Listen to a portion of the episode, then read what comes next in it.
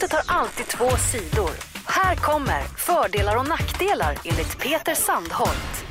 Ja, och det, det handlar ju om eh, eh, eh, osannolika saker man kan äga, fördelar och nackdelar med det här då. Ja.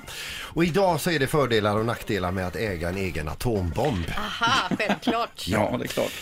Och jag börjar med nackdelarna Ja. idag. För att det fanns bättre fördelar än nackdelar. Okej. Så, ja, eh, en av nackdelarna är att man vet inte riktigt var man ska ställa den i hemmet med risk för att man springer omkull den. Ja. Ja. Eh, En annan nackdel är att eh, ingen kommer längre på spontanbesök, inte ens planerade besök får man längre. Eh, Och nummer tre i nackdelar här då att äga en egen atombomb alltid är lite smånervös när pjäsen ska dammas av till, runt jul. Ja. Ja. Då kommer vi till fördelen att äga en egen eh, atombomb. Den kräver nästan inget underhåll. Utan den, man köper in den, man äger den, det är inte mer med det. Nej. En annan fördel med att äga en egen atombomb det är att på nyårsafton när det är fyrverkeridags vid tolvslaget så säger en av era gäster, eh, den gästen som alltid brukar stila sig på alla de eh, sätt, säger så här. Jag packar upp fyrverkeri och säger, jag har nog utan att överdriva områdets eh, största bomb. Då kan du luta dig fram och säga, skulle inte tro det.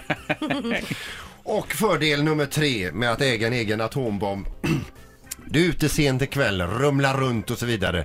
Du blir stannad eh, i, i allén av ett gäng ljusskygga människor som visar upp en kniv för dig. Då öppnar du din trenchcoat och där hänger din atombomb.